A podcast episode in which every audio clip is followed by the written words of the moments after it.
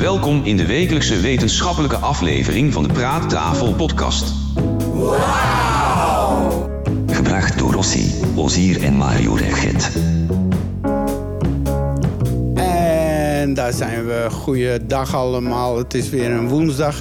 We zijn aan aflevering 52. Het is 2 12 2020 hè? Dat is een mo- mooi getal allemaal. Allemaal tweeën en één eentje.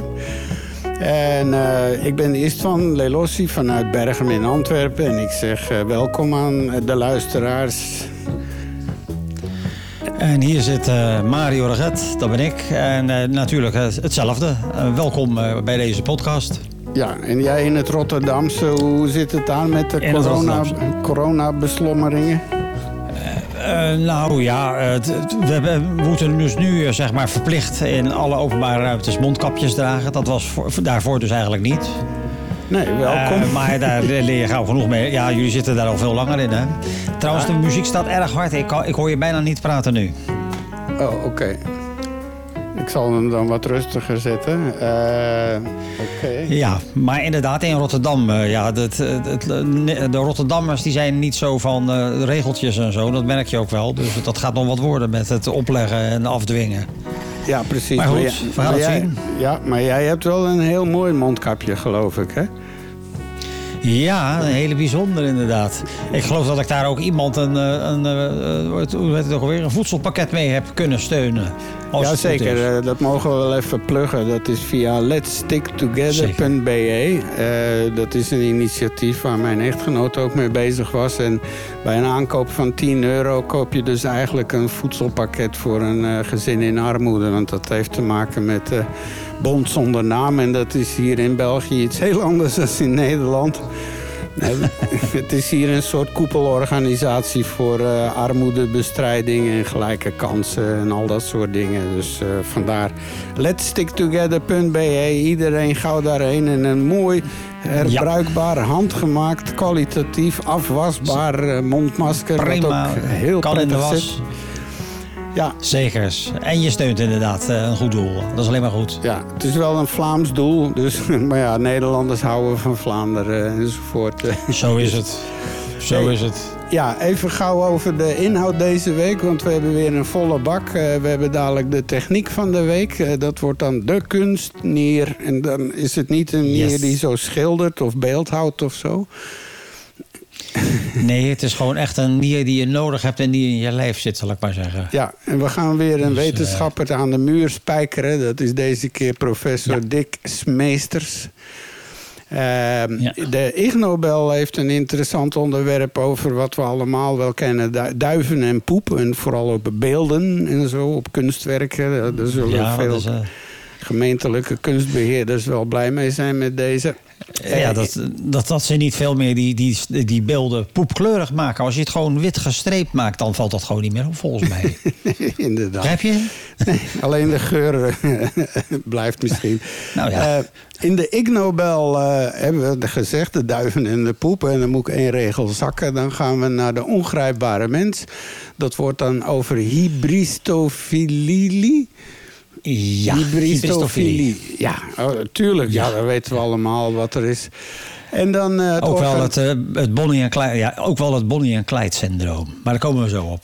Ja, zeker. En dan het organisme van de week. Dat wordt van Delia cirrhosa, ook wel onder de naam, Portugese naam Candiru. En dat is een vrij, een lichtelijk vervelend beestje.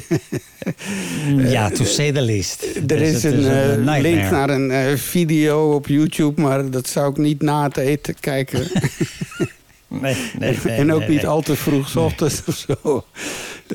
Ja. Dus, Maar, dus dat eh, zijn zo van die dingen. Maar, ze zijn in het elk geval heel nog... naar beestje. Nee, ze zijn in elk geval nog niet eh, waargenomen hier in het, eh, in het eh, drinkwater of in de rivieren hier. Je moet daar echt wel voor een end weg. Dus ik zou zeggen, ja, en dan gaan we maar beginnen met onze nieuwtjes. Ja. Wetenschapsnieuws, de laatste inzichten. Ja, de laatste inzichten, dat zeggen we elke week. Maar eh, elke week hebben we weer laatste inzichten. Het is maar een beetje dat je blijft leven en volgende week dan weer. eh, want het zijn niet echt de laatste, maar wel de allernieuwste. Maar toch. Eh, Ja, uh, wat heel grappig is, we hebben het vorige week over die AI gehad. Uh, die, die, machine, die GPT-3, die van alles kan oplossen. En uh, lo en behold, ja. wat heeft het nieuws deze week? De Google, die hebben ook een, dat heet DeepMind. dat is hun artificial intelligence, hun, hun kunstmatige intelligentiemachine. En die heeft deze week een groot biologisch probleem opgelost, hè Mario? Nou, zeker. Als je kijkt wat, waar iedereen naar zoekt, is hoe dat nou zit met die eiwitten. Eiwitten zijn de meest complexe moleculen die je kan bedenken. Als je ook uh, als je zeg maar daar een, een voorstelling van ziet, een, een, een graphic, eh, hoe zeg je dat? Een, 3D. Eh, artist impression, dan krijg je een, een krankzinnig ding. En met eiwit is het zo. Uh, vorm volgt functie. Dus, uh, nee, dat is, uh, dus de voor, nee, ik zeg het verkeerd. de vorm van het eiwit bepaalt wat dat ding doet. Want dan past hij als een soort sleutel in een heel specifiek slot. En dan gebeurt er iets. Oké. Met name enzymen zijn zo. Dus ja, die eiwitten, die, men is er dus nu achter hoe dat gevouwen wordt. En als ze precies weten met dat DeepMind wat, wat het mechanisme daarachter is, dan kan dat enorme consequenties hebben. Want om een voorbeeld te geven, als uh, Alzheimer, uh, dat, dat, is de, dat is een hele nare ziekte, daar heeft men nog steeds geen grip op. Maar een van de belangrijkste uh, onderdelen van die ziekte is de vorming van amyloïd-eiwit op de hersenen. En dat zijn mhm. verkeerd gevouwen eiwitten.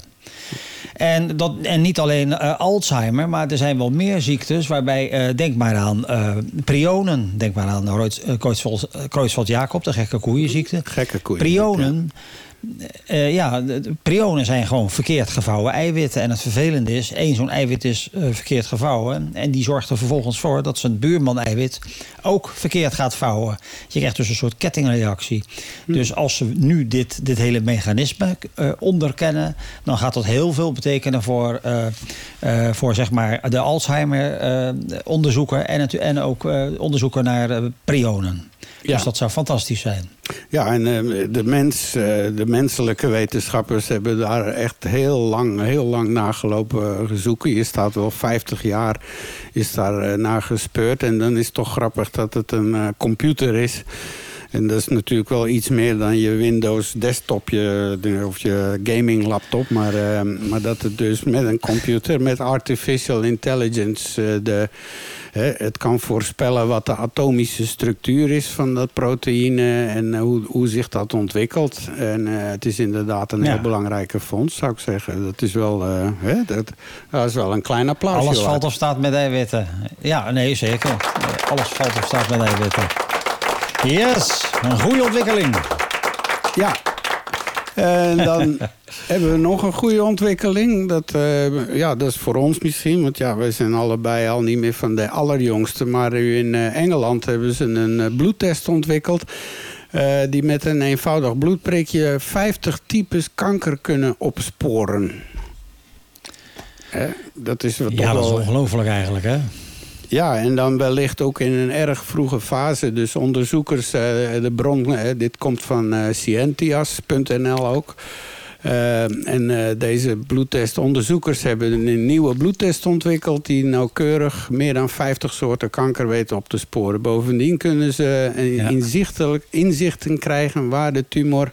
oh my, waar de tumor zich bevindt, ook nog eens. En vaak ruim voordat de eerste verschijnselen zijn verschenen. Het is een veelbelovend resultaat, want ja, dit kan waarschijnlijk vele mensenlevens testen. Ik weet van iemand, een uh, kennis van ons, die, die is dan een Amerikaan en een veteraan. En die kreeg op een gegeven moment een diagnose van uh, kaler. Uh, dat is een soort bloedkanker. Oh ja, um... Oh ja, multiple myeloma is dat. Ja, ja. ja. maar uh, die worden hier in uh, Nederland en Europa vaak in, pas in fase 2 of 3 opges, uh, opgemerkt. Omdat ja. ja, dan begin je symptomen te ontwikkelen. In Amerika zijn ze veel meer bezig met preventieve testen. Daar prikken ze veel meer. En daar werd hij in fase 1 uh, gevonden, zeg maar, een diagnose gekregen toen het nog eigenlijk in het prille begin was. En ja, normaal stond daar een jaar of twee, drie op als je die diagnose hebt gekregen. Maar hij heeft er dan toch nog bijna tien jaar uh, mee kunnen leven en is uiteindelijk toch nog zelfs aan iets anders overleden. Maar uh, ja, hoe vroeger je erbij bent, hoe beter. En dat geldt absoluut nou, zeker. Ja, zeker. Als je ook kijkt naar uh, met name kankers die in holtes groeien. Kijk, als je nierkanker hebt, dan merk je gauw genoeg dat uh, wanneer er een tumor ge ge gevormd wordt. Want die duwt gewoon al de weefsel weg. Maar ja, uh, kankers die in holtes groeien, denk aan blaaskanker, darmkanker, maagkanker. Die hebben de, de ruimte. Dus dat voel je niet als, als er in, de, in je maagwand een, iets ontstaat. Dan merk je dat niet. Dus dat betekent per definitie dat dat soort kankers gewoon te laat gevonden worden. Ja. En ja, deze methode nu, dat, met die, dat heeft dan te maken met uh, DNA-methylatie. Dat is natuurlijk fantastisch. Want ik, als je ziet hoe dat werkt. Uh, DNA-methylatie is een epigenetisch proces. Dat houdt in, op, uh, op een gen wordt iets geplakt. Epi betekent ook op. Denk maar aan een episcoop. Dat was zo'n kastje vroeger, die kon je op een foto zetten. En dan werd het op de muur geprojecteerd, een, ja, ja. een foto. Epi is dus op. Nou, dus uh, DNA-methylatie is een epigenetisch proces... waarbij zeg maar, een methylgroepje op, op zo'n gen geplakt wordt. -hmm. En wat blijkt nou? dan gaat dat gen als een soort schakelaar werken... En dat kan gunstig zijn en dat kan ook uh, uh, zeg maar uh, ten nadele zijn. Het regelt als het ware welke genen aanstaan en welke genen uit. En dat heeft gevolgen voor de gezondheid. Dus fijn dat het er is. En uiteindelijk, uiteindelijk is het fantastisch dat je, dat je dan eigenlijk al heel vroeg kan zien dat er wat aan de hand is. Want het duurt normaal, kan heel lang duren eer, eer de tumor zich gevormd heeft. En met, met die methyla, je kan dus een bloedonderzoek doen... en dan weet je gewoon dat het staat te gebeuren. Dus hulde, zou ik zo zeggen. Nou ja, daar doen we dan even een... Daar mag dan zeker even een feest, uh, feestje voor uh, ja, het, het, is trouwens ook wel zo. Er is ook een, een, een, een grappig artikel van uh, Diagnet. Dat is een, van de universiteit van... Dat kan ik even niet vinden. nee, Erasmus. DNA van hoger opgeleiden toont andere methylatiepatronen dan van lager opgeleiden. Daar gaat het artikel over. En dat is dus precies. Uh, er wordt al onderzoek gedaan naar bevolkingsgroepen. Dat, gaat, dat, dat is gewoon uh, eigenlijk standaard onderzoek. Je kijkt naar, naar de, de wijken waar het slecht gaat en, uh, en, en, en de wijken waar mensen bovengemiddeld verdienen. En dan zie je dat de hoger opgeleiden over het algemeen ouder worden en ook nog eens gezonder ouder worden. Mm -hmm. maar met dat methylatiegedoe kan je het nu ook aan het DNA zien. Okay. Het, het, blijkt dus dat je dus blootstelling aan sigarettenrook, milieuvervuiling enzovoorts enzovoorts heeft effect op de methylatie van bepaalde genen, waardoor die genen actiever worden of juist niet. Okay. Dus, uh, dus, dat, dat, dat is, dus je kan het dus nu ook aan het DNA zien uh, hoe het met je staat. Ja, ja, dus zullen ja. ook verzekeraars uh, wel interessant vinden. Van, uh, nou ja, zeker. Als je aankruist van ik rook niet, en dan kunnen ze even een bloedprikje nemen en huppakee. Nou meneer, ja, uw, uw, uw, epigenetisch DNA zegt hier wel wat anders. Ik geloof dat u een aanpassing van uw premie gaat krijgen. dat is, ja, dat is, dat is griezelig eigenlijk. Hè? Dat kan dus inderdaad. Dat, uh, het, theoretisch is dat mogelijk dan. Ja, ja, want uh, wat, ja. wat je dan kan gaan krijgen is over een x aantal jaren... is dat als je dus uh, jonge mensen die dan voor het eerst zo'n uh, verzekering afsluiten... die krijgen dan waarschijnlijk de plicht om ieder jaar even een bloedprikje te nemen of zo. Nou ja, het, het, zal niet 1, 2, 3 zo gaan, maar daar gaat, kan het wel heen gaan. Ik denk dat inderdaad, het zal beginnen misschien bij mensen die uh, buitengewoon risicovol werk doen of zo. Uh, mm -hmm. Uiteindelijk vindt het altijd zich weer een weg in, in onze samenleving, dit soort dingen. Wat dat betreft moet er ook meer aandacht zijn voor de, de ethische gevolgen van alle ont ontwikkelingen die we nu hebben eigenlijk. Ja, dat absoluut. gebeurt al veel, maar dat, maar dat moet inderdaad nog wat, wat heftiger aangepakt worden, denk ik. Maar ja, tegelijkertijd, ja, uh, als, als minder mensen ernstig ziek worden... dan zou dat ook kunnen inhouden dat die premies weer wat gaan zakken. Want uh, ja, hoe eerder je erbij bent, uh, hoe eerder er wat aan gedaan kan worden. En dan blijven de kosten ja. natuurlijk ook... Dus, uh, maar ik ja. denk dat dan de, de pensioenkosten weer uh, de pan uitreizen. ja. ja, dat ja, is hè? weer een, de vergrijzing wordt dan echt wel. dan gaan we echt naar 110 en 120 jaar toe gemiddeld. Ja, dat is, en, en, ja, en als je kijkt in Nederland, ik, ik ben nu 65. Tegen de tijd dat ik 75 ben, is, is een kwart van Nederland al vergrijsd, geloof ik. Ja, in Nederland gaat het heel hard, hè, de vergrijzing. En in Japan, dat is een goed voorbeeld. Dat is, dat is, dat, daar zijn bijna geen jonge mensen meer, lijkt het wel. Nee. Dat is echt een, een, een, heel oud land aan het worden. Terwijl als je kijkt naar de Maghreb, dus zeg maar uh, Tunesië, Marokko enzovoort, Algerije. Nou, daar zie je dat de bevolking uh, gemiddeld uh, ontzettend jong is. Dus, Absoluut, dus dat, en ook werkloos. zijn wel interessante... Ja, ja daar enorme problemen om die mensen aan het werk te houden daar. Want die jeugd, ook in Iran en zo, al die landen, is inderdaad een veel jongere bevolking. Ik weet nog uit mijn kindertijd dat als iemand 100 werd, die kreeg een brief van de koningin. Maar, ja, maar dat de is niet meer. een beroep. nee. nee, die heeft er dan een dagtaak aan. Nee, zo is het. Die worden gewoon ouder. Ja. Nou, het volgende, en ook alweer een beetje voorzienend van ons. Vorige week in de vorige podcast hebben we het gehad over ons schoteltje in Arecibo in uh, Puerto Rico. Dat was die enorme grote betonnen radioantenne, radioschotel.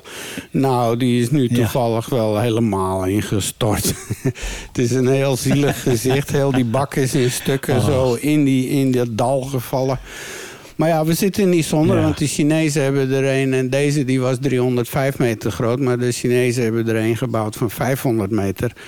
En die komt uh, online. Dus uh, ja, dat is toch wel zielig. Ja. Een einde van een tijdperk hoor, toch. Het ding was 57 nou ja, jaar. Het. Nou ja, de Hubble is toch ook al afgeschreven. Maar de, ja, nee, zo die gaan doet die dingen. Het nog volop, uiteindelijk... Ja, maar eh, laat ik zo zeggen, hij is functioneel afgeschreven. Er is nu een veel betere telescoop die veel meer kan. Maar zo gaan dingen. Ja, ja, langzaam maar zeker. Uh, alles wordt ouder. Ja. Nu, ja, nu is het wachten op die James Webb Space Telescope. Uh, die, die is al tien jaar oh, over tijd en twintig keer over budget. Uh, dat is een heel bizar verhaal, dat ding. Uh, dat is een soort enorme paraplu-antenne... die met een doorsnede van, geloof ik wel, 20 meter... maar dat moet helemaal uitgevouwen worden. En nou, de Hubble die zit ongeveer 800 kilometer boven de aarde... dus daar hebben ze nog naartoe gekund met de Space Shuttle. Ze hebben hem toen moeten repareren... omdat hij in eerste instantie bijziend was... He, de, de, ja. Ze hadden een één microfoutje gemaakt met het slijpen van de spiegel. foutje gemaakt. Ja, dat was iets met een omrekening tussen metrisch en, en uh, imperiaal, hè, inches. Ja. Ja, uh, maar ja, daar kon je nog naartoe. Maar de, dit nieuwe ding, dat gaat dus op een Lagrange-punt zitten... wat eigenlijk achter de aarde, op een miljoen kilometer vanaf de aarde... zit hij eigenlijk in de schaduw van de aarde, draait hij mee... zodat hij niks van de zon te pakken heeft. Dus daar kunnen we nooit meer aan. En okay. daar moet zo waanzinnig veel goed gaan om het ontplooien van die enorme spiegels. Uh, want dat, dat, is, dat zijn allemaal segmenten van de spiegels. Maar als dat ding er is, dan belooft dat dat hij dus terug kan kijken tot eigenlijk vlak na de oerknal en zo. En dan gaan we ineens... Ja, dat zou heel bijzonder zijn. En, en hij gaat ook echt close-up opname kunnen maken van al die planeten die we nu aan het ontdekken zijn. Al die exoplaneten die om andere sterren draaien. Dat zijn er miljoenen nu. Eh, ze hebben het nu al onderhand door dat bijna elke ster wel planeten heeft. En variërend van heel bizarre. Waar, waar uh, die is zo heet aan de ene kant dat daar uh, steen rots verdampt. Wat dan aan de andere kant als regen naar beneden komt. ja, dat zijn van die bizarre dingen inderdaad. Ja. Je hebt uh, helse planeten, absoluut. Ja. Als je kijkt naar Venus met, met zijn atmosfeer met, met zwavelzuurregens. En, uh, dat, zijn natuurlijk, uh, ja, dat, uh, wij denken in, in termen van de aarde, maar wij zitten in wat ze noemen de Goldilocks zone. Ja. Met vloeibaar water en alles. Maar over het algemeen is het natuurlijk veel ruiger. Ja, ja. En, en ook daar worden nu meer en meer planeten in andere sterren gevonden die in die zone zitten. Maar we kunnen nu nog heel weinig van die dingen bekijken, behalve dat ze er zijn. Maar uh, met die ja. uh, James Webb kunnen we dan ook echt uh, de atmosfeer gaan ontdekken enzovoort. Dat zal, dat zal wat zijn. Maar daar moeten we nog even op wachten. Ja. Dat ding is een beetje over tijd. En dan tot slot ja, een bejaarde vis gevangen. Ook weer van Cientas gehaald. een vis hebben ze gevangen ergens bij Australië. Die is 81 jaar. En, en, dat is dan dat is niet voor... wat, hè? Ja, eh, dus niet alleen ara's en reuzenschildpadden kunnen een hoge leeftijd bereiken... maar ook in de oceaan hebben ze dan gevonden. En dan uh, zijn ze op een 80-jarige vis uh, gestuurd. Wauw. Wauw, ja, bijzonder eigenlijk. Hè? Zo. Ja, eens kijken dan. eh, wa- wat was dat voor een beest? Eh, eh, even kijken op de site. Otolieten. Ja, een bepaalde otoliet. eh, nou, daar hebben ze de leeftijd mee bepaald. En otoliet is een structuur in het binnenoor van gewervelden... waar ook mensen over beschikken. Hè? Wist jij dat? Oh ja, Ja, tuurlijk. nee, maar, eh, dan, maar dan is het niet ortholiet. Nee, otoliet hoor. Of, of, ja, de- Otoliet, oh. Ja, een otoliet. Op otolieten verschijnen jaarlijks kleine groeilijntjes... en die zijn vergelijkbaar met boomringen. Dus op die manier kan je heel Oh. makkelijk... eh, nou, en deze vis was een Macolor macularis. Een straalvinnige vis uit de familie van snappers. En eh, met een leeftijd van Ah, oké. 81 jaar Ja. gaat hij de boeken in als de oudste vis... die ooit in een tropisch rif is aangetroffen. Hè? Zo, zo hebben we altijd weer... Ja, nou ja. Je, je, je zal daar aan het vissen zijn en je denkt, hé, een lekker maaltje. Eh, Het is niet te vreten. Dan heb je de kans dat het een vis is van 81 jaar. Nou ja, oké. Ja, dat is inderdaad... eh, dat is de bedoeling. De vraag is, wat doet het met de smaak? Hè? Dat weten we eigenlijk helemaal niet. Maar goed, nee, het is inderdaad wel een, prestatie natuurlijk. Zo, eh, het is wel heel bijzonder als, als een vis zo oud wordt. Over het algemeen zijn ze natuurlijk niet echt gebouwd om zo oud te worden. Nee, nee, Dus zeker dat zal niet. dan een, een, een heel bijzonder zijn eigenlijk. Ja, hey, een Ja. evolutionaire pocket. de evolutionaire pocket. Ja, u luistert nog steeds naar eh, Wetenschap op woensdag. Laat ik even de jingle gebruiken. U luistert Naar de praattafel. Wetenschap op Woensdag podcast. En eh, we gaan langzaam door naar het volgende onderwerp. En eh, ja, dat is een nieuw item wat we ingevoerd hebben in de vijftigste feestelijke aflevering. De techniek van de week. En ja, wat we kunnen. En deze week had jij uitgezocht voor ons eh, de trucjes die we kunnen met een nier. Want eh, we hoeven geen Ja. eigen nier meer te hebben, maar, eh, maar we kunnen een kunstnier. Nou, liever wel. Ja, we kunnen in ieder geval overleven met een kunstdier. Want het is natuurlijk met een nier zo, die heb je heel hard nodig. Als je, eh, laat ik zeggen, eh, voor eh, de- de periode voor de Tweede Wereldoorlog was er niets. Als je dan een probleem had met je nier, dan ging je gewoon dood. En waarom? Eh, als je iets eet, dan eh, komt dat in de vorm van bloedsuiker uiteindelijk in je bloed terecht. En via gaatjes in je aderen, hele kleine gaatjes, gaat die voeding, die glucose, gaat naar je celletjes. En je celletjes produceren daardoor ook afval. En dat afval gaat via diezelfde gaatjes weer terug en komt in je bloedstroom terecht. Dus in het bloed eh, zitten dus niet alleen die rode en witte bloedlichaampjes, maar, maar ook dat plasma met daarin opgelost, dus die bloedsuiker en die afvalstoffen. Nou, die afvalstoffen moeten eruit. Als dat niet gebeurt, want dat is dus het werk van de nier. Als je nier niet functioneert, dan gaat de vervuiling door totdat je doodgaat. Want je, je, ja, het vuil stapelt zich op, eigenlijk zou je kunnen zeggen. Dus dat is van levensbelang. Nou, er was een, eh, een wetenschapper, dat was meneer Kolff. eh, met dubbel F. Eh, dat is een hele bijzondere man. Dat was een arts en ook eh, technicus. Hij was ook ingenieur. Hij heeft, is een hele veelzijdige man. En die werkte in een ziekenhuis. En is in 1939 gaan experimenteren met de allereerste kunstnier. Hij denkt van, hoe ga ik dat oplossen? Hij kwam met een hele slimme oplossing. Want ja, wat ik al zei, in je aderen zitten hele kleine gaatjes... waar die rode bloedcellen niet doorheen kunnen... maar wel dat plasma heen en weer kan gaan met die voeding en die afvalstoffen. Dus dat heeft hij geprobeerd na te bouwen. Hij nam een, een, eh, een vat, ongeveer zo groot als een olievat. Dat zoals, als die rechtop staat, is dat misschien 1,30 meter hoog... en 60, 70 centimeter in doorsnede. Dat, nou, stel je dat vat voor, maar dan ligt hij in een bad... En hij kan draaien in dat bad. En, eh, en wat, dus dat, dat, dat bad, eh, dat, dat vat liet hij met assen liet hij draaien in dat, dat, in dat bad met water.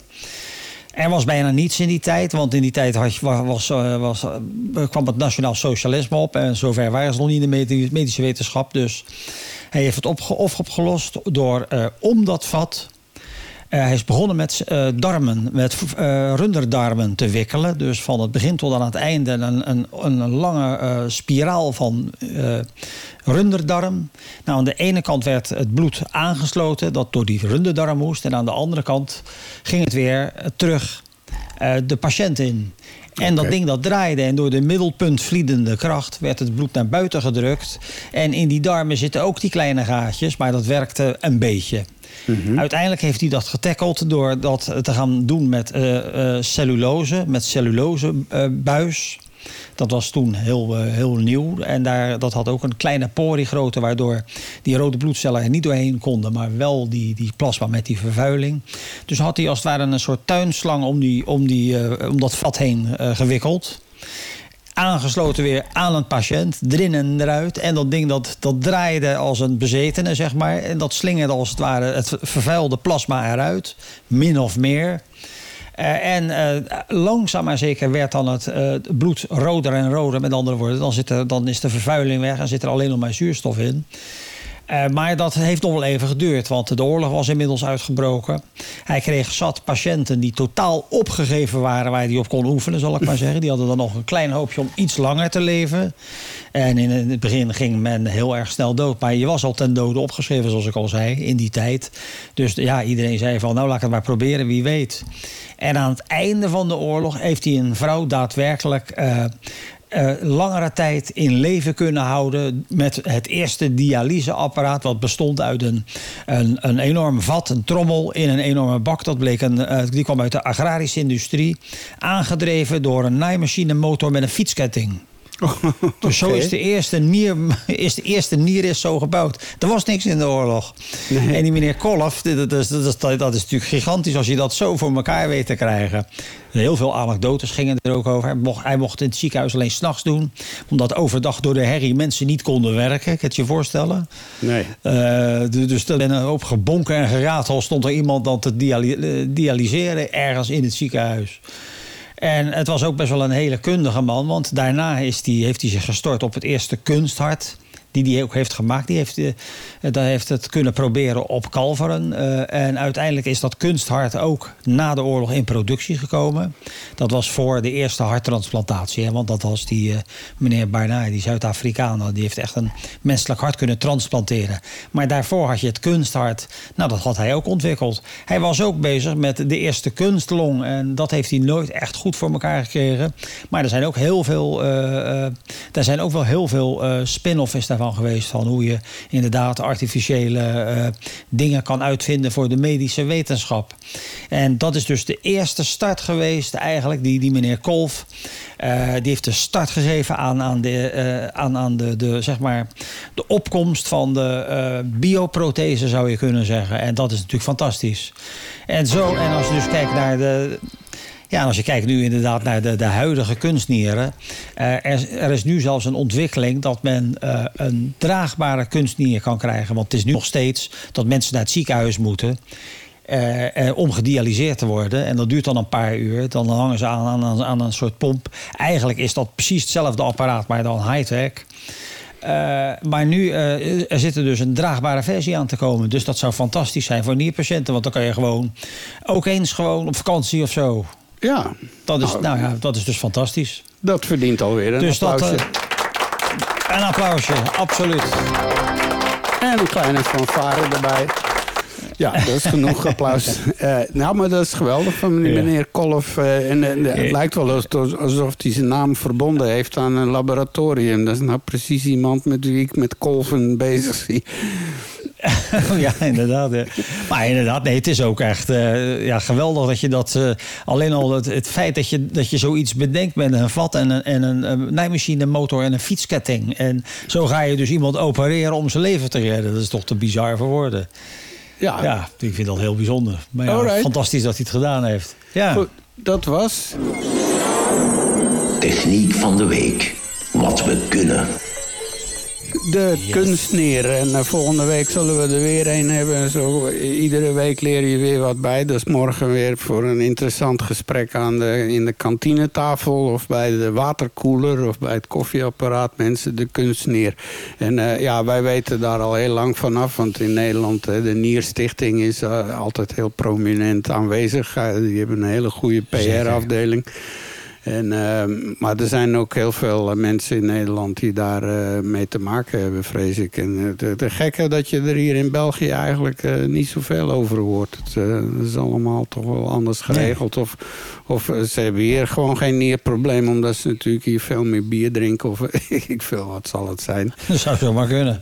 Dat is, dat is prima voor je nieren, dat weet ik zeker. Ja, we gaan over naar het volgende onderwerp. Ja. Onrechte verguisde wetenschappers. Ten... Ja. Ten onrechte? Nee, nee. Uh, we bedoelen het helemaal anders. Dat moeten de terecht verguisde wetenschappers zijn. Dat was het verkeerde jingletje. Oh. ja, ja. Een, een, een, een onterecht... Eens even kijken hoor. Ah, wacht even. Ja, laten we dat even herstellen. Een terecht verguisde wetenschapper. Ja, en onkel okay. Serge spreekt dat op zijn juiste... Ja, bijna hadden we die man in ere hersteld. Maar de, de volgende kandidaat is ook weer een, uh, iemand die lekker bezig was. Uh, vertel het maar. Ja. Ja, uh, dat is Dirk Smeets, Smeesters. Hij was hoogleraar consumentengedrag bij de Erasmus Universiteit hier in Rotterdam. En die is in, zelf weggegaan in 2012 omdat hij gesjoemeld heeft met onderzoeksgegevens. Hij heeft twee artikelen gepubliceerd met uh, onwaarschijnlijke resultaten. En uh, die data die zijn dus niet meer beschikbaar voor controle. En dat, het gaat overigens over artikelen over de indruk van, over het effect van kleur op menselijk gedrag. Maar ja, hij, uh, hij, men zegt, de, de hoogleraar consumentengedrag zou, zou uh, data zo hebben ge, geselecteerd dat de, gezonde, de gevonden effecten statistisch significant zouden zijn. Nou ja, daar was dus, dat heeft, heeft hij nooit, het heeft nooit iemand kunnen aantonen. Dus hij heeft zelf ontslag genomen. En hij zei ook, de academische wereld mag het beste niet ontbreken. Hij is geen hoogleraar meer bij RSM. Uh, en hij heeft uh, in het Erasmus Bulletin voor het eerst zijn kant van het verhaal verteld. Uh, op de vraag waarop hij, waarom hij dus eigenlijk een beetje vals speelde met zijn data, zei hij: Ik denk dat onderzoekers het nut van hun data willen maxim maximaliseren, omdat publicatiedruk extreem hoog is. En hij heeft geen spijt. nou, dat is heel bizar. Hij zei ook: ik, hij zou het wel anders doen als hij opnieuw zou beginnen. Maar ja, daar heb je verder niet zoveel aan natuurlijk. Hij claimt ook uh, dat hij in die tijd een burn-out had. Hij herstelt momenteel van een slechte gezondheid. Hij zegt ook een burn-out hoort daarbij. En hij heeft inmiddels nu hij thuis zit herontdekt hoe je echt van het leven kan genieten. En als hij volledig hersteld is, zal hij misschien weer les gaan geven op een middelschaarbare school of een universiteit. Maar uh, uh, ja, de, de, Vlaamse hoogleraar, ja, het, het was, uh, ja, dat was eigenlijk zijn demise, zijn, zijn, zijn foute gedrag. Die ja. Zijn ondergang, het masseren van gegevens, zal ik maar zeggen. In het begin leek het een beetje dat, dat hij een beetje creatief was geweest. Maar uiteindelijk bleek dat hij gewoon data echt verzonnen had. Nou ja, dat is dan, dan houdt het echt helemaal op hè, op een gegeven moment. Dus dan, uh, dan wil je zo graag iets bewijzen dat je gewoon het er dan maar bedenkt. En dat kan natuurlijk niet. Maar je zei dus, eerder uh, één, één ding wat we eigenlijk al een beetje een rode draad blijkt te zijn bij al die verguisde wetenschappers. Dan toch een heel aantal is inderdaad die publicatiedruk. Want dat is iets waar je heel veel ja. mensen over hoort. Dat universiteiten ja. en allemaal en al die wetenschappers zitten zo in races om vooral maar te publiceren. Want als je niks ja. publiceert, dan doe je niks of zo. En uh, nee, er is eigenlijk nee, geen is ruimte meer voor ja, diepteonderzoek om een paar jaar echt diep te gaan. Want dan zitten ze van, hé hey, hallo, uh, maar we moeten toch wel iets... Nou ja, er is, er is natuurlijk ook een financieel iets uh, speelt ook mee. Kijk, het is, vroeger was een wetenschapper een wetenschapper die kreeg gewoon geld en die kon gewoon gaan zijn wetenschapsbedrijf. Tegenwoordig moet iedere onderzoeker zijn eigen fondsen regelen. Die moet zelf de boer opgaan. Oh, die ja. moet zelf uh, fondsen uh, genereren. Dus die moet het bedrijfsleven prikkelen. En, ja, en daaruit volgt dat je dan echt moet publiceren en mooie verhalen moet schrijven om jezelf aan de man te brengen. En dus die druk is tegenwoordig veel groter. En daardoor zien we ook volgens mij dit soort ongelukken. Ja, ja. Eigenlijk. Want ik had zelfs gelezen over deze man... dat hij eigenlijk zoveel schade heeft aangericht... dat men heel de sociale psychologie eigenlijk een beetje Ja, dat het... eh, Ja, niet meer dat, eh, serieus. Heel die tak, eh, ja, inderdaad. En nu is het toch al psychologie en sociale wetenschappen zijn geen exacte wetenschappen. Dus ja, als je daar al in gaat rommelen, dan wordt het natuurlijk al heel snel besmettelijk om, om daarmee bezig te zijn. Maar ja, erg, erg Ja. vervelend voor de sociale psychologie toch wel. Nou ja, zeker. Maar ja, hij is niet de enige die dat doet. Eh, kijk, eh, op de Erasmus Universiteit, dankzij dit hele gebeuren, hebben ze een aantal maatregelen genomen. En er komen seminars over wetenschappelijke integriteit. Er komt een standaard protocol voor dataverzameling en opslag. De regels van op het eh, Erasmus Behavioral Lab zijn aangescherpt. En er zijn eindelijk pilottests over het nut van centrale dataopslag voor onderzoekdata. Dus dat, dat je dus alles tot je beschikking hebt. Maar ja, het blijft, eh, het blijft moeilijk. Dus eh, ja, alles valt of staat bij de integriteit. En zeker nu. En nu er steeds meer mensen zijn die, die vinden dat wetenschap ook maar een mening is.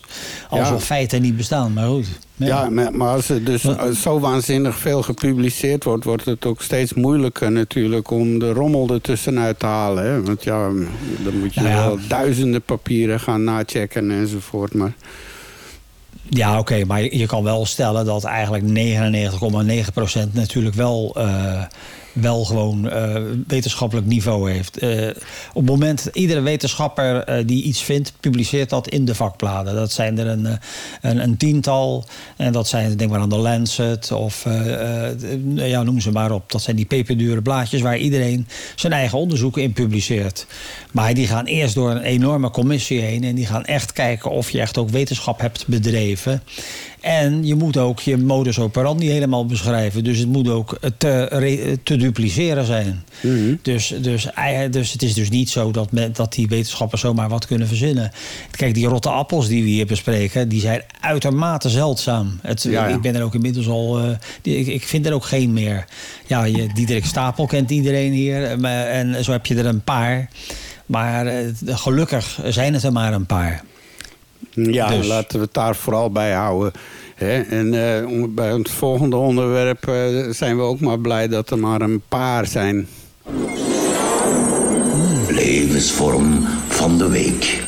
Ja, een levensvorm. eh, we hebben het al gehad over de, de Oosterdaks. Eh, dat is dat kleine beestje wat op de bodem van de oceaan alle botjes opruimt. En de bone-eating zombie worm is de bijnaam ervan.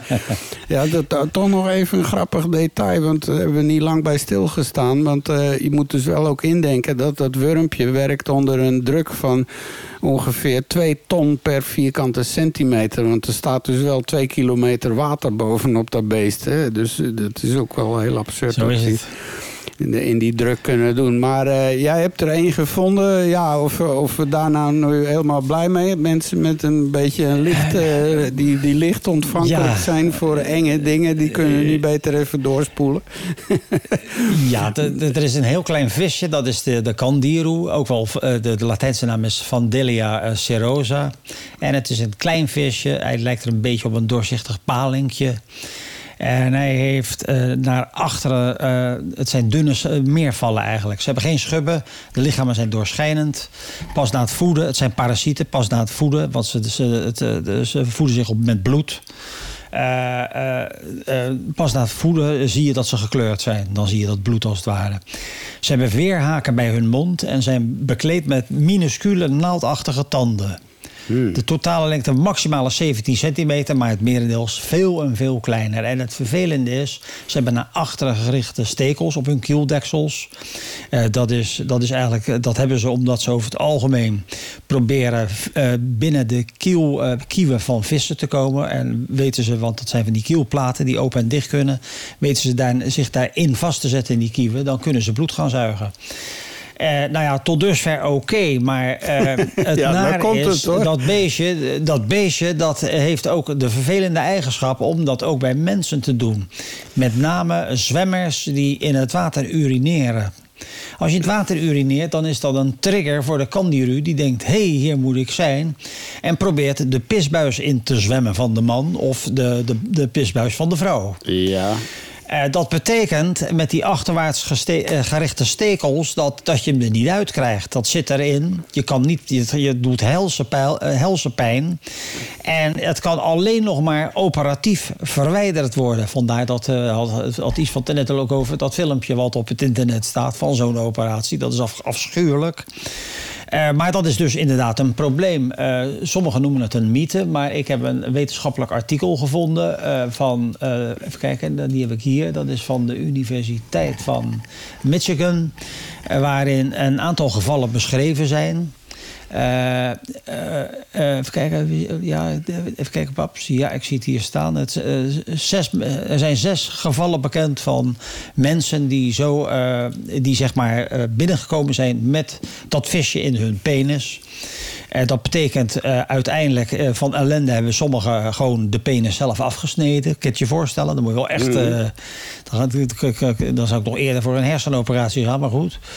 Eh, en dat is natuurlijk een uiterst naar beestje eigenlijk. En vandaar dus deze vermelding in, eh, in, in, de, in, de rubriek. De Candiru, oftewel de Vandellia serosa. Het meest nare visje eh, voor, voor de mens, zou ik bijna zeggen. Ja, en- Gelukkig en- komt het alleen maar voor in Ja. de stroomgebieden boven, van de bovenste Amazone... en in de Orinoco-rivier in het, in het noorden van Zuid-Amerika. Ah, gelukkig. Wat mij Dat wou betreft ik moet net het daar ook vooral blijven. Ja, Ja, vooral moet eh, het daar blijven, inderdaad. Ja, ik hoop ook niet dat het een eh, soort invasieve eh, species wordt. Hè, die dan ineens, net Oh, ja, zoals ja, van die ja, ja. rare schildpadden en die plantjes die dan Ja, ja, ja, ineens ja. hier... eh, Want ja, het wordt hier Invasieve ook, exoten. ja, het wordt maar warmer en warmer en warmer. En wie weet vinden ze hier wel een heel... Maar dan eh, houdt het erop, eh, en dan komt het erop neer dat je vooral niet meer in de Rijn of in de Oude Rijn of in de Maas gaat lopen zwemmen. En zeker niet eh, een plasje doen onder water. Nee, nee, nee. Dus, dus het kan niet veel erger dan zo'n visje. Stel je je voor, je bent al dagen van de bewoonde wereld. Je bent aan het jungle trekken en dit overkomt je, zo'n visje. Wat moet je dan doen?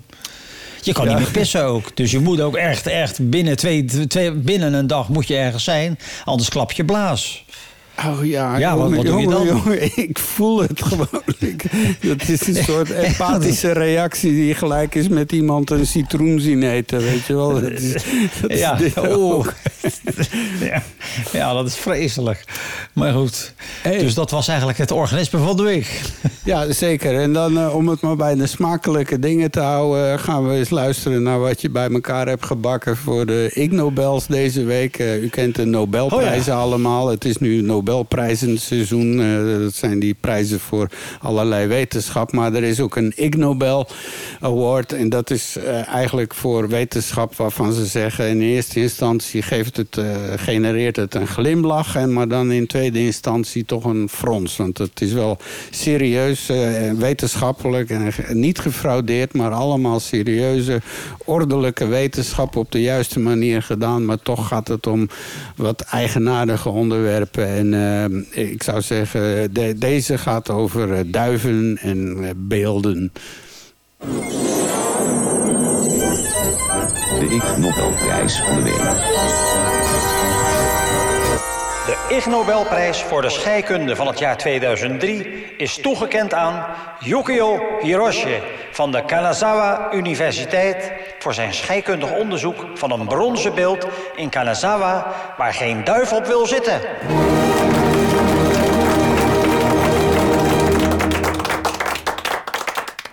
Zoals de hemel onvermijdelijk iedere bergtop bedekt met sneeuw, zo laten duiven onstuitbaar een beschermende witte laag achter op vrijwel ieder beeld in de buitenlucht. Tenminste, dat dacht iedereen altijd. Yukio Hiroshi choqueerde en verblijdde de wereld door deze schijnbare eeuwige waarheid te weerleggen. Veel mensen praten tegen duiven, maar er zijn er maar een paar die ook hun taal spreken. Scheikunde, zo blijkt nu, zou wel eens een veel effectievere manier kunnen zijn om met vogels te communiceren dan Japans of Engels of Chinees of op welke manier dan ook. Yukio Hiroshi ontdekte dit nadat hem was opgevallen dat iets voortdurend de aandacht van een bepaalde groep duiven trok. In de Kenroku-tuin van Kanazawa staat een opmerkelijk beeld van de legendarische held Yamato Takeru no Mikoto. Er valt van alles te bewonderen aan dit beeld, maar als wetenschapper was professor Hiroshi gefascineerd door de smetteloosheid ervan. In tegenstelling tot bijna ieder beeld in de complete geschiedenis van de beschaving, krijgt dit beeld slechts zelden bezoek van vogels. En slechts zeer zelden heeft het de persoonlijke cadeautjes gekregen waarmee vogels alles wat hen aanspreekt graag overstelpen. Het beeld is oud en in de archieven zijn vrijwel geen technische gegevens te vinden over de vervaardiging. Er was geen voor de hand liggende reden waarom het beeld zo kraakhelder verschilde van al zijn collega's in de uitgebreide internationale beeldenpopulatie. Professor Hiroshi analyseerde een klein monster van het metaal. De samenstelling blijkt vrij ongebruikelijk te zijn. De legering bevat koper en lood, niet ongebruikelijk in beelden, maar ook een ander element dat wel erg misplaatst lijkt te zijn. In het oude brons van het beeld zit een vleugje arsenicum. Arsenicum op zich is natuurlijk vergiftig. Maar heeft arsenicum, wanneer het deel uitmaakt van een legering van lood en koper, nog steeds een giftige of afwerende werking voor beesten die erbij in de buurt komen? Het antwoord op die vraag was niet geheel en al duidelijk, dus ging professor Hiroshi enkele experimenten doen. Zorgvuldig maakte hij een nieuw soort brons met een chemische samenstelling die dicht bij die van het beeld kwam. Hij smeedde platen van dit metaal en liet vogels er naartoe komen om hun gebruikelijke beleefdheidsbezoek te brengen. Dit was een uitermate onthullend experiment. De vogels weigerden consequent op de metalen platen te gaan zitten of er zelfs maar bij in de buurt te komen. Dus, zo concludeerde professor Hiroshi, de geheime kracht van het beeld was niet langer een geheim. Het was gewoon een kwestie van scheikunde. Sinds dat moment heeft hij verdere experimenten uitgevoerd. Zijn hoop, gedeeld door miljoenen mensen die van beelden houden, is dat deze ontdekking de wereld zal veranderen. Hij is bezig met het ontwikkelen van een technologie die, eenmaal geperfectioneerd, de mensheid een eenvoudige manier zal geven om de beelden te beschermen tegen duiven, kraaien en andere gevleugelde potentiële vervuilers. En dat ook nog eens op een vogelvriendelijke manier. Voor zijn zorgvuldige onderzoeken naar vogels en brons... en voor zijn vindingrijke experimenten daarmee... en voor het geven van hoop voor een probleem dat hopeloos scheen... kreeg Yukio Hiroshi in 2003 de Ig Nobelprijs voor de scheikunde.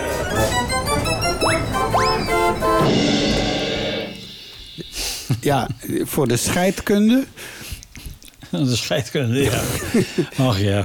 Scheidkunde van de vogels. Ja, misschien dat je Nou ja. ook door het voedsel van die beesten aan te passen... dat hun eh, scheid meer koperkleurig wordt. Dat het dan ook niet zo opvalt. Maar ja, het is toch wel interessant. Ja, ja, dat, ja. Dus gaan ze, Nou nu, het, is, eh, is zeker een oplossing. gaan ze nu beelden misschien kunnen overschilderen... met iets van dat soort materiaal. eh, hè? Dat zal ook misschien Ja, wie zal het zeggen? Hey, ehm, ja. Ja. we zijn toegekomen aan eh, het laatste onderwerp. En laten eens even kijken. De... De ongrijpbare mens. Een blik in het brein. Een blik in het brein, jazeker. Tot nu toe altijd over tastbare dingen van visjes en proteïne en zo. Maar ja, eh, ons hoofdgedrag wordt bepaald door allerlei ongrijpbare zaken. En dat heeft misschien ook wel met de vorm van iets te maken. Maar ja, deze week heb je er weer een gevonden. De Hybristofilie, Mario. Eh, de- Ja. eh, licht ons eens in over dit gebeuren. Nou ja, dit komt gelukkig niet al te veel voor. Maar hybristofilie, dat, is, dat wordt ook wel genoemd het Bonnie en Clyde syndroom. Eh, dat houdt dus in dat mensen zeg maar eh, opgewonden raken van, eh, hoe zeg je dat? Die zijn seksueel, die zijn zeg maar seksueel aan, aangetrokken tot criminelen. En Ah, met ja, name opgewonden door de gedachte dat hun partner betrokken is geweest bij een moord, verkrachting, diefstal of een andere duistere praktijk. Ah. Het gaat om de gedachte dat hun partners kwaadaardig zijn. Dus met andere woorden, Bonnie hield van Clyde om zijn image. En als je dus ook kijkt, dat is best wel heel bizar. Eh, Anders Breivik, die heeft tientallen brieven gekregen... eh, van vrouwen die verliefd, zeggen verliefd op, op hem te zijn. Ja, en Anders Breivik En dat- even, dat is die man die in eh, Noorwegen eh, of, of Zweden was dat... Ja, een, in eh, hè, dat... eh, ja. Heel een half eiland heeft uitgemoord met allemaal jongeren die daar waren voor een, eh, weekend Ja. van, een, eh, van een bepaalde politieke partij. En hij heeft geloof ik 55 mensen vermoord. En ehm, ja, die krijgt allerlei liefdesbrieven. ja. Dat is heel bizar. Maar, wat ik, maar dan kan je nog zeggen van, nou ja, als je hem ziet, nou ja, het is een Noor. Hij is wel, uh, hoe zeg je dat? Uh, ik kan me voorstellen, hij ziet er niet echt griezelig uit. Dat vrouwen uiterlijk en zo, dat, dat ze dat, dat. Nou, enigszins misschien dat dat zou kunnen. Maar wat ik helemaal onbegrijpelijk vind, is Jozef Fritsel. Ken je hem nog? Ah ja, die, die heeft, die Duitser die zijn eigen dochter 24 jaar in een kelder heeft opgesloten. Ja, een Oostenrijker. Dat, dat, dat is een dood, ja, dat is een doodgriezelige man. Die, die, als je hem ook al zag, dan, dan kreeg je al kippenvel, zou ik bijna zeggen. Ja. Uh, en, en die heeft ook uh, enorm veel brieven gekregen. En ook, nou ja, de, de Bloody Limit is natuurlijk Charles Manson. Die heeft ook honderden vrouwen gekregen die hem aanbaden. En wat, ja, wat, wat zit daarachter? Hoe werkt het? Kijk, je, je, je hebt een aantal denkrichtingen. Uh, sommige vrouwen die denken aan een platonische liefde.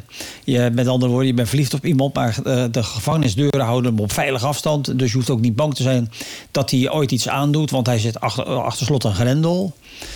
Uh, er is ook bijvoorbeeld een, een 26-jarige vrouw die schrijft dat ze niet zonder Anders Breivik kan leven. Ze heeft hem al 150 brieven geschreven, cadeaus gestuurd. Mijn liefste Anders heeft het zwaar. Hij zit gevangen en zit in een kwetsbare positie. Daarom houd ik nog meer van hem, schrijft dat mens. Mm -hmm. Maar uh, je hebt ook een andere manier daar, hoe je ernaar kan kijken. Uh, uh, sommige vrouwen menen dat criminelen mensen zijn die hebben aangetoond dat ze een ander volkomen in hun macht hebben. En dat, dat schijnt dan het toppunt van mannelijkheid te zijn. En ook dat is weer een soort seksuele prikkel. En heb je nog een verklaring, dat is het Moeder Teresa-syndroom. Dat zijn, uh, de, die, die zegt van dat uh, er vrouwen zijn die hun verdorven man of vriend op het rechte pad proberen te krijgen. En daardoor helemaal daarvoor gaan. Ja, ja. En je hebt natuurlijk ook nog een, ja, en je hebt natuurlijk ook nog sommige vrouwen die menen dat, dat dan iemand ten onrechte is opgesloten en hij moet onschuldig boeten. En dan doen, wat zij dan doen is hun een leed verzachten, zou ik maar zeggen. Dat zijn een beetje de denkrichtingen. Maar het blijft natuurlijk heel bizar dat, er, de, dat je die, die Charles Manson of die uh, Anders Breivik of die uh, Jozef Fritsel, dat, dat die inderdaad zoveel aandacht krijgen. Ik vind het eigenlijk heel bizar. Ja, en er Bijzondere nu, afwerking. Ja, er is nu ook op uh, TLC, uh, ik weet niet, dat hebben jullie in Nederland ook, dat kanaal met al die interessante... Ik geloof het wel. Uh, mijn 800 pond broer en zo. Um, oh ja, van, oh ja, ja, ja, ja. Love after lock-up. Hè? Dus uh, dat gaat dan over uh, vrouwen die dan een uh, relatie aanknopen. Of andersom ook hoor, met mensen die net uit de gevangenis zijn. Maar een ander fenomeen is ook dat er hele groepen vrouwen zijn... die dus in het huwelijk treden met iemand die ter dood veroordeeld is. Hè? Vooral in Amerika is dat een fenomeen. Dat je dus uh, dat ze een relatie aanknopen met iemand die op death row zit. En uh, ja, dan zit daar ook iets bij van... Uh, ja, het is een soort van veilige liefde. Want je zal hem alleen achter glas kunnen zien. die zal ja. je nooit meer iets kunnen doen. En, en ja, dat, zal, dat neigt inderdaad een beetje naar dat moeder Teresa. Want dat hebben sommige vrouwen inderdaad. Dat ze vinden dat ze voor een man... Ja hun ei kwijt kunnen, hun, hun zorg-ei kwijt kunnen op die manier. Ja, maar ja, dan, dan, dan trouwen ze met... Maar is het dan niet zo dat als, als ze dan zeg maar, zo'n ter dood veroordeelde trouwen... dat ze dan in ieder geval wel nog een huwelijksnacht hebben of zo? Of dat is er ook niet? Uh, wat, ik, uh, wat ik heb gezien, uh, niet. Dat is meestal een soort online gedoe. En, en misschien dat er is met een dominee dat ze elkaar één knuffel kunnen geven. Maar maar die uh, zogenaamde con, con, congenial visits, uh, dat is uh, meer voor gevangenen die dan dus wel weer vrijkomen uiteindelijk. Ja. die ja. niet ter dood veroordeeld. Die, die, die kunnen dan eens in de zoveel tijd kunnen die dan in een privékamer even genieten van elkaar, om het zo maar te zeggen. Maar uh, ja. ja. het blijft een, uh, blijft een uh, vreemd ding. Dus Bonnie ja. en Clyde syndroom. ik, ik zou zeggen, als er iemand van onze luisteraars toch iets heeft met een misdadiger of zo. Nou, dan heeft u hybristofilie. En ik denk niet dat ze daar nog een pilletje voor hebben. Nee, nee het blijft een, een bizar fenomeen. Ah ja. Ah. Goed, eh, Mario. Nou, dat was een, eh, weer een volle bak. Eh, we hebben alles Ja. gehoord over de kunstnier. Hè, wat die allemaal Yes. voor de mens betekent. En meneer Kolf, die dat heeft eh, Meneer Kolf, uitgevonden. Willem Kolf, absoluut. In het nieuws weten we nu meer over een bloedtest die 50 soorten kanker kan opsporen. Een Google Artificial Intelligence gebeuren, DeepMind, heeft een groot biologisch probleem opgelost. Eh, ons schoteltje is volledig ingestort. En daar in Puerto Rico enorm, enorm vervelend. Een bejaarde vis is langsgekomen. Nou, daar had u ook nooit gedacht dat je daar nog eens in het nieuws iets van zou horen. Hè? Dirk Smeesters eh, hebben we het raam uitgesmeten als een verguisde wetenschapper. We weten nu waarom eh, duiven wel op sommige beelden, maar absoluut niet op andere beelden poepen. Dankzij een eh, zeer... eh, nou, dat zijn toch belangrijke dingen in het leven. Vooral voor de gemeentelijke onderhoudsdienst en zo, hè? Ja, en eh, hybristofilie, dat is eh, ook iets waar je dan eh, een beetje maar mee moet oppassen. Dus zie dat je niet in een gevangenis komt. Maar stel dat je daar terecht komt, er, er, er is nog hoop. Er kan altijd nog iemand speciaal daarom verliefd op je worden. Dus ja, dat is dan niet, niet zo erg. En dan het Ja. hele vervelende organisme van de week hebben we gehad. eh, de Candiru. Gelukkig Candiru. komt die nog niet voor. En laten we hopen dat dat zo blijft. Want eh, het zou vervelend zijn als we nooit meer in de Rijn kunnen pissen. Nee, dat moet je toch niet aan denken, inderdaad. Zeker. Ehm, u heeft geluisterd naar aflevering 52 van de Praattafel podcast. Eh, mijn naam is Istvan Lelossi. Ik doe dat iedere week met eh, vol overgave. En ik moet even melden dat onze derde deelnemer, de Philippe Ozier, even buiten spel ligt. Vanwege Helaas, ja, speciale redenen. We missen hem ten zeerste en ook de, de haiku's. Zeker. Eh, ja, dan kun je ons contacteren op de website. Dat is praattafel.be. Eh, je kan ons vinden op Facebook natuurlijk. Eh, typ maar in praattafel.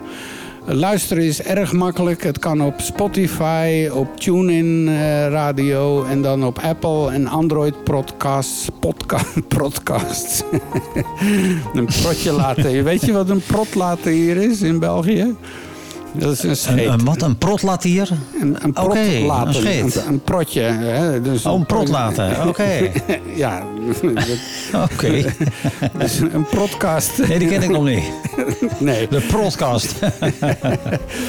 Dus eh, wat dat betreft Nee. zijn we overal te vinden. Je kan ons contacteren of via Facebook, maar je kan ook mailen naar info.praattafel.be. En op WhatsApp kan je ook praattafel invoeren als zoekterm en dan kom je bij ons terecht en daar kan je dan eventueel voiceberichten achterlaten. Daar zouden we ook heel blij mee zijn. Dus als je vragen hebt, opmerkingen, correcties of eh, dat je meer diepte wil, nog meer dan wat we je nu gegeven hebben. Ik zou zeggen, eh, gebruik dan een van die middelen. We horen heel graag van je. En ik zeg vanuit Bergen in Antwerpen een heel fijne week weer toegewenst. Blijf vooral gezond. Eh, ik denk dat we nu overal de coronapieken een beetje in dalende trend zijn. Ik weet niet of dat het bij jullie ook zo is. Nou, dat ziet er nog niet naar uit bij, in Nederland. Nee, het gaat eh, erg. eh, Het is gestabiliseerd, maar nog steeds niet goed. Nee, nee. Ja, hier Dus is dat nu, niet leuk. Want we zitten hier nu in, wel in alle drie, vier weken in een serieuze lockdown. En het begint hier inderdaad wat Ja. eh, behapbaar te worden. Maar, maar ja, het vaccin komt Ja. eraan. Ga jij een spuitje halen, Mario? Eh, ja, natuurlijk. Oké, we zijn geen antivaxers. Absoluut. hè. Wij, wij Ja, horen nee, straks dat- bij de gezonde kudde enzovoort. Zo is Eh, het.